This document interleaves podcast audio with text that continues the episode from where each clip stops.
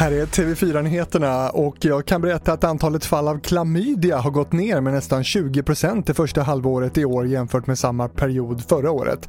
Det visar statistik från Folkhälsomyndigheten. Mindre nattliv och allmänt ökad riskmedvetenhet tros vara några av förklaringarna.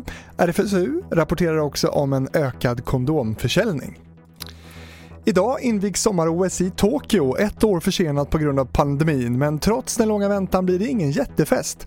Bara 20 av 154 aktiva spelare och ledare från den svenska truppen kommer att tåga in på invigningen, detta enligt Sportbladet.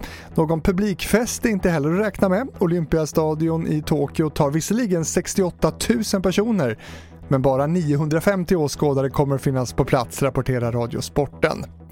Och jag avslutar då med att berätta att den svenska roddaren Lovisa Claesson tog sig enkelt vidare i sin OS-debut i Tokyo i natt.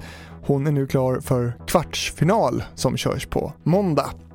Det här var det senaste från TV4 Nyheterna. Jag heter Fredrik Rahlstrand.